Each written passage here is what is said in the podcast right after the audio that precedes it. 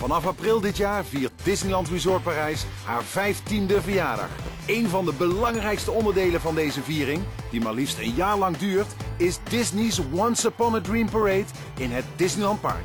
Deze geheel nieuwe parade bestaat uit wagens die zijn gebaseerd op wereldberoemde fragmenten uit de Disneyfilms.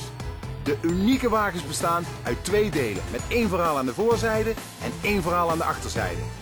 Het bouwen van deze wagens heeft meer dan 18 maanden geduurd. Voor het eerst worden bij de parade alle zintuigen geprikkeld, inclusief reuk. Voor de parade zijn speciale parfums ontwikkeld die perfect passen bij de verschillende thema's. De parade bevat ook nieuwe muziek, kostuums en choreografie. Componisten hebben een geheel nieuwe soundtrack ontwikkeld, geïnspireerd door de allerbeste Disney Classics. Het thema van de parade is verweven in de 1300 originele kostuums die gemaakt zijn van ruim 13 kilometer stof. De choreografie maakt de dromen compleet met jongleurs, bungee dancers en steltlopers.